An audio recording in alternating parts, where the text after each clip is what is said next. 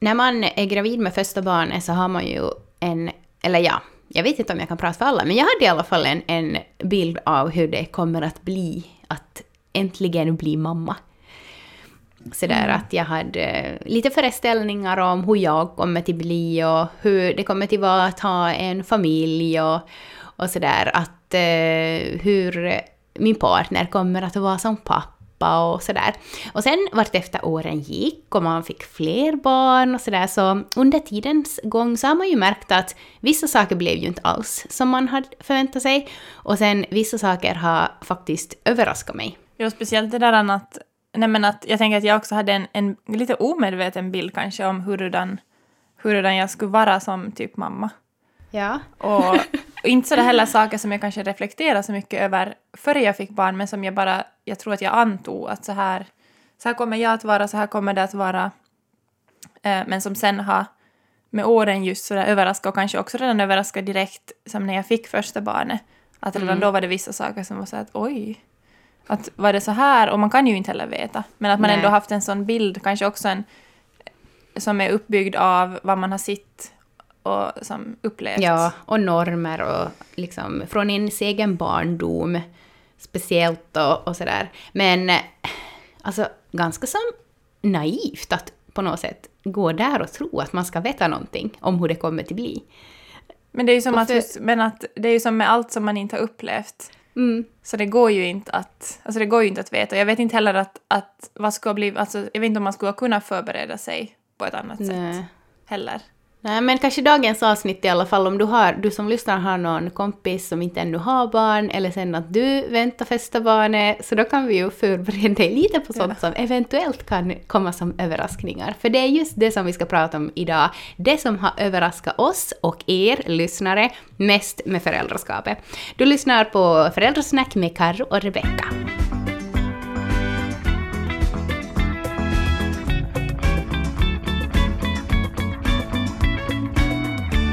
Någonting som har överraskat mig och som jag också har måste jobba med ganska mycket med mig själv är hur snabbt jag kan gå från att känna mig tillfreds och som en bra och god mor till att känna mig som en dålig mamma.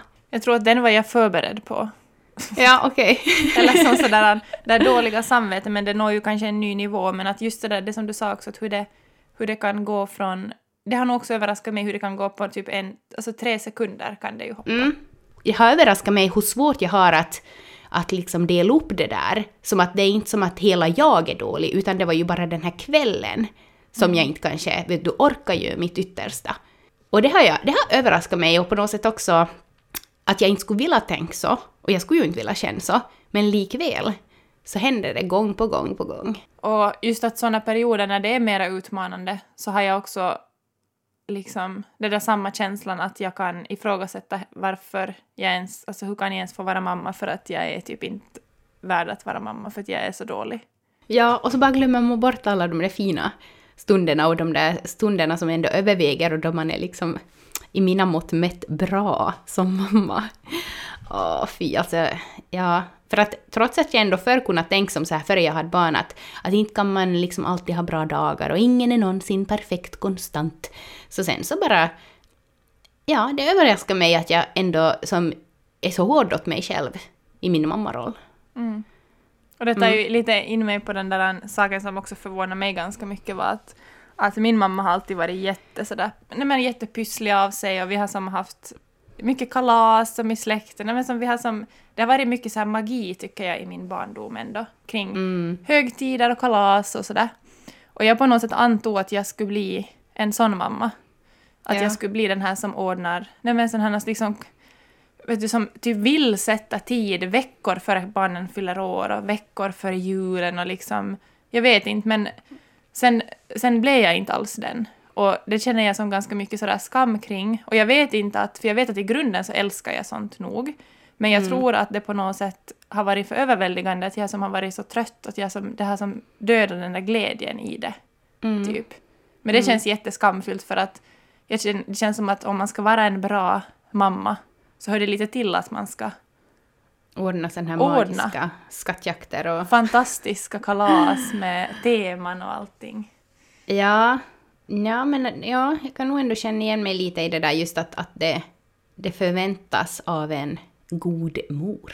Att Och just vilja. den där glädjen, och att man ska vilja Ja. liksom göra det. Och där är ju också som, för vi har diskuterat det med några kompisar också som älskar att göra det. Och det är ju också som en, där har jag på något sätt måste inse också att man behöver inte älska att göra allt sånt som förväntas. Att jag Nej. gör ju säkert sen igen andra saker och sen, men på något sätt känns det lite som att, ja, att man borde liksom vilja. Men du hade ju i alla fall en nissedörr. Det är väl magiskt? Ja, men jag tänker mest där på födelsedagskalaserna liksom. Okej. att- Ja. Men Ja. hur är era kalas nu då? Eller Nå, liksom det att- som kanske också har gjort att det på något sätt har kännats lite annorlunda är ju att min sida av släkten är inte här. Och det på Nej. något sätt har... Att jag kanske har känt att vi har haft en lite annan kalaskultur än vad liksom Jims sida av släkten har haft. Vi hade vi som haft jättemycket kalas hela tiden. Ja. Så det kanske på, också på något sätt har gjort att det inte har kännats lika roligt för mig. För jag har inte kunnat bjuda min pappa och mina småsyskon och min Mm. mommo och min fammo liksom. ja, för nu är det ju ändå annat när man var liten själv och hade till exempel mycket kusiner eller liksom sådär mycket bekanta som var, vet du, barn. Och Mm. sen då om man, men typ Jim, Jims bröder har ju inte ännu barn Nej. och sådär, att då kommer det kanske dit då något typ tonåringar på ert kalas och det är ju kanske inte som så kul. Nej. Så sådär, det blir ju inte samma magi över det. Nej. Ja. Ja, men jag kan förstå den där. För att liksom just, eh, alltså vad ska man säga, jag tycker ändå att jag, ehm, ja men så här, gör en effort när det är kalas och jag har, barnen får ofta välja just tema och sådär, men inte tycker jag som alltid att det är så kul. Så det kan jag ibland känna som sådär när man kollar typ på vänner och på Instagram och sådär som man liksom fixar och, och lagar liksom, och, och verkar som njut av att laga det. Och där känner jag då igen, vet du, som att, att jag borde som tycka att det här är kul. Fast jag kanske inte tycker att det är så jättekul, utan det är mer som ett måste. Okej, en annan sak som har överraskat mig.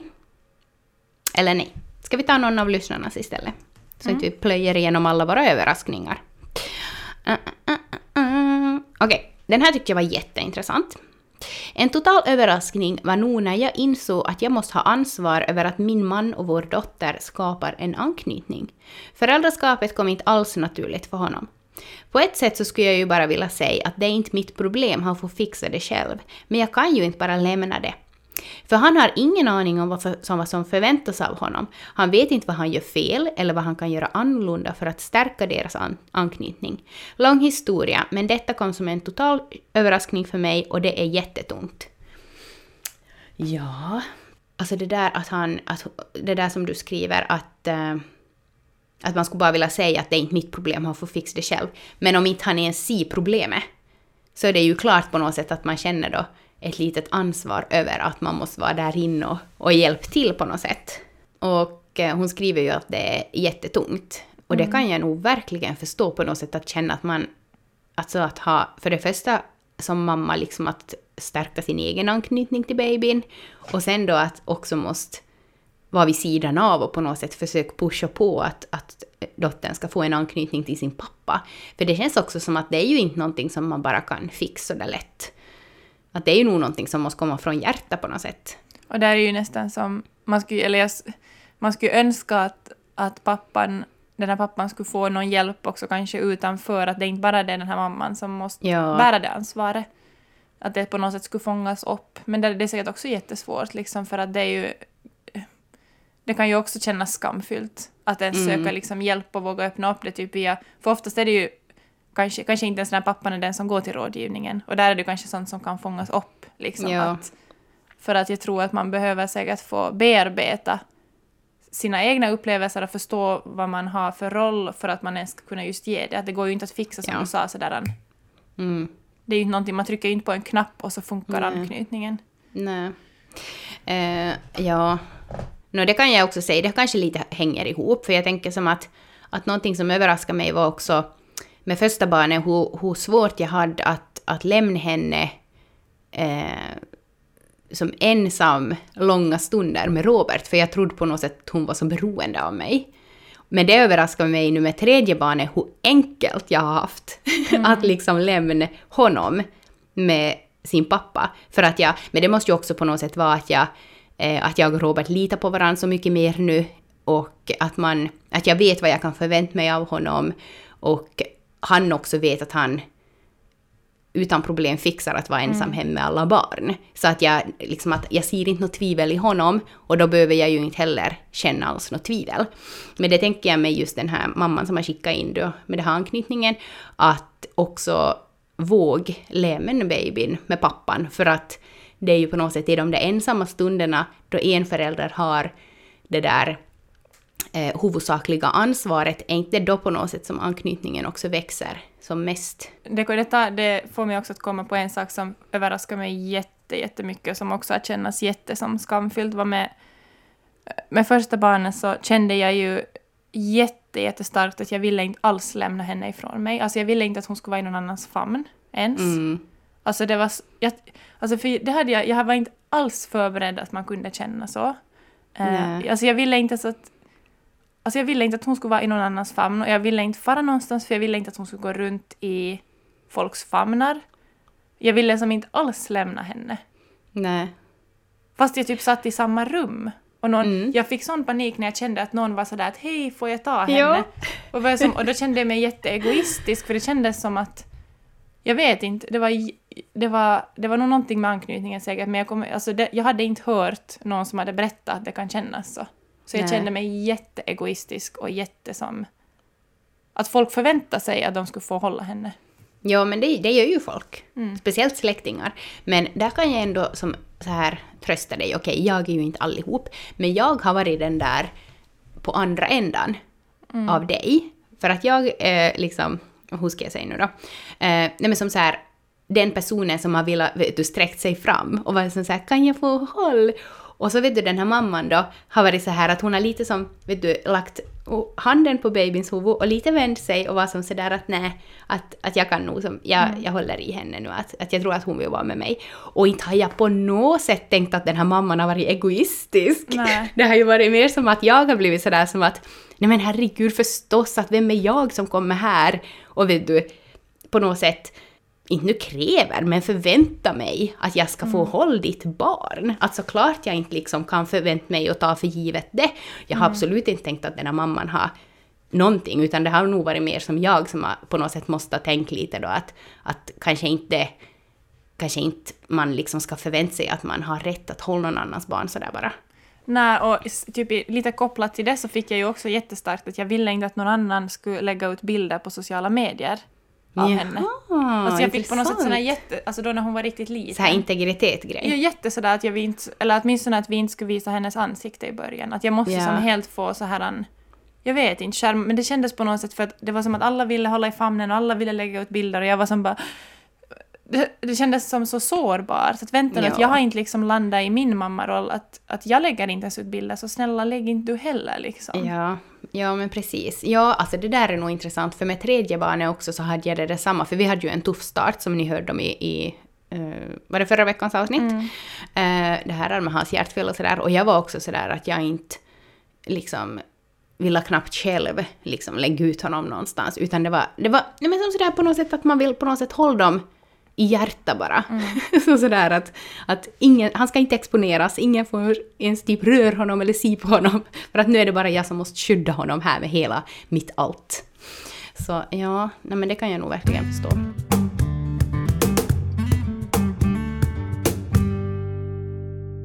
Okej, okej, okej. En till av era överraskningar. Um, det överraskade mig hur svårt det var för mig att vara mamma till det barn jag har och inte till det barn som jag skulle vilja ha. Eller nej, inte som du skulle vilja ha, utan det är ett barn jag skulle ha velat ha. Det låter kanske flummigt, men till exempel, jag har alltid varit idrottande och aktiv, medan mitt barn helst sitter in och spelar och har noll intresse av lagsport och idrott. Att acceptera det här tog nog länge och jag försökte göra hen till någonting som hen inte är. Jag har alltid varit social och velat hänga mycket med mina vänner. Medan hen inte alls är så och jag har försökt fixa det här. Tills hen sa att mamma, jag vill inte, jag hänger nog med de vänner jag har när jag känner för det själv. Och jag fick ju bara acceptera det här. Men ännu idag så kan det nog sticka till när någon frågar vilken sport vårt barn håller på med. det där måste ju nog också på något sätt hänga ihop med det där att, att ens barn avspeglar en själv på något sätt. Och att om man själv inte tycker att ens barn presterar så bra som man kanske själv tycker att hen skulle klara av eller måste göra, att det på något sätt tar på ens egen, typ, vad ska man säga, stolthet eller någonting. Och kanske just sådär vet du, att om man själv har haft glä jättemycket glädje av någonting så Ja. vill man ju typ att ens barn ska uppleva samma. Så att om man har Ja. älskat att spela fotis och det har som varit typ ens liv så är det ju säkert som att men att man hur vill kan ju du som, inte göra det här, att det göra det för att världens Det är roligaste? så fantastiskt och typ att man vill vara den som supportar dem då i det. Ja. Liksom. Ja. Oavsett men det om det är är nog- fotis eller musik eller liksom vad det än är. Mm. Men ja, alltså jag tycker nog det finns ganska mycket press i dagens samhälle att, att, att det förväntas att barn ska hålla på med någonting, ha en hobby eh, och sådär. Men jag vet inte riktigt, mm, jag har aldrig haft den pressen hemifrån, att jag skulle måste hålla på med någonting eller sådär. Det var mer som att jag måste typ gnälla om jag skulle få fara på någonting. Så att och där har ju som Robert haft det typ tvärtom. Han har velat fara nog på en massa och han har fått fara på en massa. Så han är ju som mer som sådär att ja men det är klart att de ska ha en hobby och det är klart att de ska hålla på med pröva på detta och detta och allting, alla olika varianter. Medan jag har varit mer som såhär äh, låta de vara hem och leka på gården. liksom att, att inte är det så viktigt att de, det blir, alltså det blir så mycket stress kring att vet, du fara iväg på kvällarna. Att jag vill bara vara hem. Så den där pressen som hon skriver om där i slutet, liksom att det kan sticka till när någon frågar vilken sport vårt barn håller på med. Så den kan inte jag känna igen mig i, men jag kan verkligen förstå att den finns. Den där känslan. Jag kan känna den där pressen när jag ser på... Alltså det är typ det enda jag tror jag känner press där från Somme, är just när jag ser som att kanske kalas typ och det här med hobbysar. När jag ser att alla andra är på olika vet du, tävlingar och hit och dit. Mm. Och så är jag så att okej, jag har inte ens börjat med mina barn i någonting ännu. Och så känner Och sen så som inser du hur, hur små de är. Hur gamla är det ens dina barn? Sex, fyra och ett, två? Ja, men det känns ju som att, det för, att, det, att man borde redan börja Ja. för att de inte liksom ska bli sådär... Jag är rädd typ att bli de utanför eller... Mm. Och så är det också sådär en utmanande när man bor på, på landet att det finns inte kanske så jättemycket att välja mellan. Så man hamnar typ välja det som finns. Mm. Och det är Men också tänk om inte sådär- barnen tycker om det då? Nej, exakt. Det är just det Ja. jag tänker att, att... Jag vet till exempel att, att mina flickor skulle jättegärna dansa. Men det är Mm. som ett sånt enormt projekt att köra till Vasa, typ på lördag morgnar. Att är jag liksom beredd att göra det för att de Nej. ska få dansa? Nej, nej, nej, nej, nej. Det är man inte. Fy vad hemskt. Vissa nu sådana värsta supportive föräldrar bara som att hur kan ni säga att det inte liksom är värt Men där är också sådär, just det där att, att det betyder ju inte att jag inte liksom skulle... skulle Nej, men det är Som kanske den där känslan att, att jag är då inte en, en bra förälder för jag stöder inte mina barn, men jag är som att... eh, nej, jag vet inte. Vi måste göra något avsnitt om det här med hobbyn för att Ja. det är känsligt. Det är nog det. Okej, vi går vidare. Mm, mm, mm, mm, mm. Det överraskade mig hur svårt det är att hålla sig från att bråka och skrika med barnen. Alltså att jag går ner på deras nivå och håller på. Orkar ibland inte ens höra på min egen röst och det överraskade mig den dagen barnen hade blivit större och jag för första gången befann mig i en sån situation med dem. Ja, det här gormar sig och skrika sig. Det var också någonting som överraskade mig, för jag på något sätt trodde att... Före, före jag fick barn så har jag aldrig egentligen bråkat med någon, alltså inte kompis. Jag har bråkat med mina föräldrar när jag typ var sjuk i ätstörning, så då har jag som skrikit och gormat och sådär. Men jag har som aldrig annars bråkat med Jim före vi fick barn, jag har som aldrig höjt liksom rösten med kompisar. Och sen plötsligt, just det där när man befinner sig och börjar gå med ibland i barnens argumentationer och är som att Sen ibland så kan jag nästan så här se mig utifrån och vara som att... Uh, alltså vad Ja. håller jag på med? Ja. Att det här blir bara värre nu. Att bäst är bara typ att vara tyst och lyssna och inte säga så mycket. Ja, alltså ja. Nej, jag relaterar också till 100% på den där. Men det som också förvånar mig var att som konflikträdd människa så har jag ju alltid på något sätt trott att en konflikt är liksom, inte nu döden, men alltså att en konflikt är, det är farligt med Det konflikter. är slutet. Det är slutet, det är typ skilsmässa. Okej. Eh, så, så på något sätt så var det befriande för mig, eller jag blev överraskad av det när mina barn en gång var sådär som att när jag frågade dem hur det kändes om vi hade bråkat lite med Jim, men de var helt som att nej, att inte, att inte var det något konstigt liksom. För Ja. att inte, det är ju inte som att någon av oss liksom far iväg och det blir inte någon stor grej av det. Men det var Nej. också sån här insikt för mig att, att det är inte så farligt. ja, Liksom att, det nästan kanske kan vara lite hälsosamt ibland Exakt, att att ha de en kan konflikt. se det. Och att Ja. de kan se också att mamma och pappa kan bråka. Och vi kan bråka med mamma och pappa och det är som ingen farligt. Att det händer liksom ingenting. Mm. Mm, det är helt sant. Ja, det överraskar nog mig också.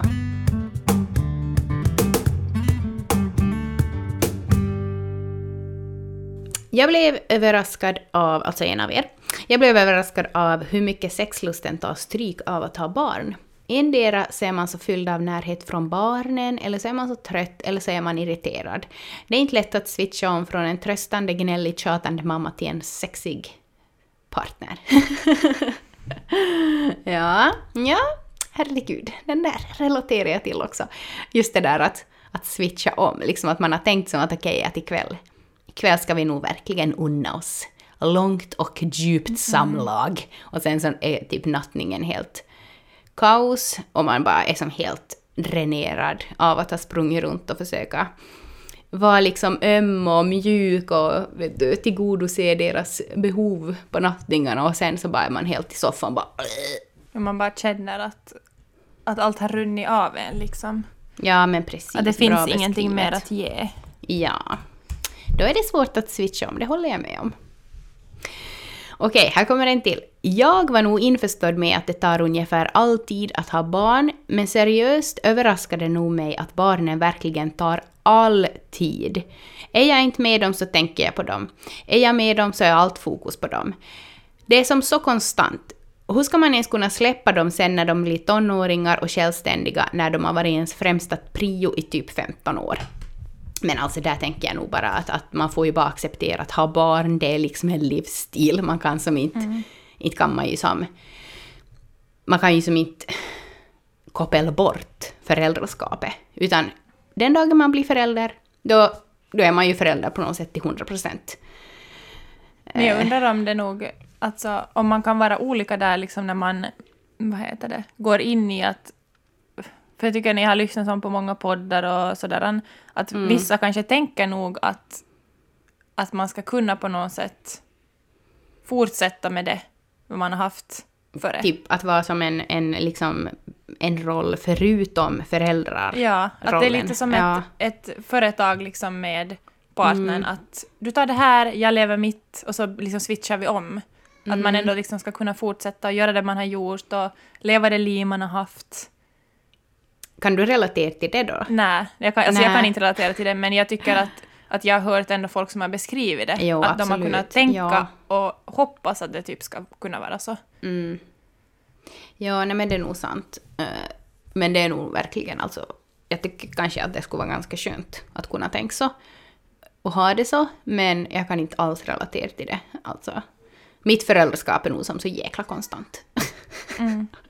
och ibland så är det som, för oftast är det ju jättefint, men nog kan det ibland vara ganska sådär påfrestande. Okej hörni, vi tuffar vidare. Det överraskade mig att vår relation påverkas så mycket av att ha ett missnöjt barn.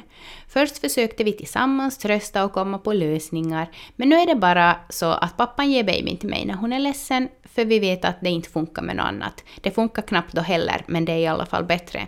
Det är tärande och det är som att gnistan slocknar lite mer för varje missnöjd stund, som är många. Ja, vi har ju inte riktigt haft den här situationen så mycket under vårt föräldraskap, men ni har ju haft. Kan du känna igen dig i något av det här? Nej, vi har ju haft exakt just det där att, eh, att, att jag har till slut känt att men det är inte någon vits att, att han försöker. Om jag, alltså som att är vi är båda hemma och någon av dem har varit missnöjd nu, speciellt Valle som har varit my, jättemycket missnöjd när han var liten. Eh, så är det som att inte kan, alltså, om jag vet att han blir lugnare av att jag tar honom så känns det som att ja, men ge honom hit. Men det, grejen är ju den att det skapar i längden också det att Jim har mindre verktyg Ja. att kunna. Och då gör det också som att jag känner att jag kan inte, just nu till exempel, så jag, det måste vara jag som nattar, alltså det går inte annars. Men det är ju också vi själva som har satt oss i den situationen, vet du, för att jag har Mm. tagit alla. Ja. Men alltså på nätterna så kan jag nog förstå att, att och på kvällarna, för då orkar man ju inte. Då orkar man ju då vet du, försök med några olika lösningar eller att nu ska pappa försöka om det inte liksom funkar. Mm. Men som på dagtid, hur är det då liksom att eh, blir det som att no, hade, har ni någon gång varit i den situationen att Jim verkligen skulle vilja försöka typ tröst och så har du kommit dit och bara som att ge hit nu bara. Ja. Att, att det måste ju som på något sätt Ja. där. Alltså nog tusen gånger eftersom att jag, jag är jättekänslig för det här skrikande. Och, Ja. och då känner jag liksom att, att om jag vet... Alltså för, för just nu är det som att det är jätteologiskt att bara att jag går till Valle så funkar det. Men om Jim Mm. gör samma sak så funkar det inte. Då börjar jag skrika mer typ. Och nu är det ju också som sådär att jag vet ju också att det är en fas och det går över och så här, men att där är det just det där kanske att, att, jag, att man ändå måste försöka... Jag, jag tänker på att jag borde försöka hålla mig också så att jag inte... Att jag far bort ibland, så de Ja. hamnar göra det. Men att är jag hemma så då känns det som att... Äh. Men samtidigt är man lite irriterad på den andra då, som att men varför kan ni inte fixa det här? Och så Ja. kommer man själv och tar bara som att det är ju eget fel då, men... Mm. Ja, nej men oj oj. Alltså det är alltid jag som måste göra det här. Ja, häromkvällen så låg jag ju då, för jag har också att jag måste natta alla barn, det funkar inte liksom något annat. Eh, så när jag det här for in till sista rummet, eller, som, eller inte nu sista, men då jag for som ännu en gång in till ett rum då så var, såg jag på honom och bara jag hoppas att det är städat när jag kommer ut Ja. härifrån. att fan om du börjar lägga dig ner i soffan nu att, att någonting kan du väl göra så länge jag liksom springer här som ett vet du, stuckig gris av han. Mm, mm, mm,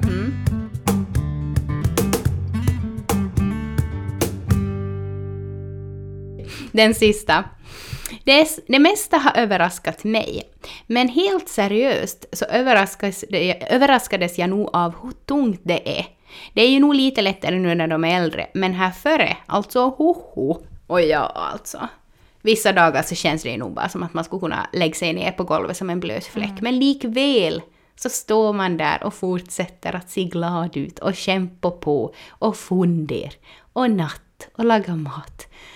Ja, för att det är väl på något sätt det som är föräldraskapet. Och där får jag ibland så kämpa med om det är alltså människor som vänt, eller människor runt omkring en som liksom väntar första barnet eller som för att inte vet du vad som sådär att vad den där som är den där som säger Ja. att vänta bara. För jag hatar själv när folk säger det för Ja, att jag är som att man måste ju själv få upptäcka alltså, att det finns jobbiga saker. Mm. Så jag måste alltid vara som sådär, jag tänker det, eller sen och sen så också ändrar det också jättemycket att nu när jag ser folk som har ett barn så är jag så här att herregud vad lätt, alltså att vara jag tänker som bara att ett, alltså som att när vi har ett, om vi har bara ett barn hemma så känns det ju som att vi typ är barnfria. Mm, exakt. Men att då när vi hade ett barn så då var det ju jättetungt. Så Mm. att allt, det liksom, man får ju nya perspektiv hela tiden. Jo, man har ju bara sin egen situation att utgå ifrån så egentligen så inte kan man ju som... Men ja, ja, det är kul det där när man ser någon som ska få första barnet och de är helt sådär åh, fluffigt och Ja. allting är vitt och rosa och allting är så härligt och man bara hej.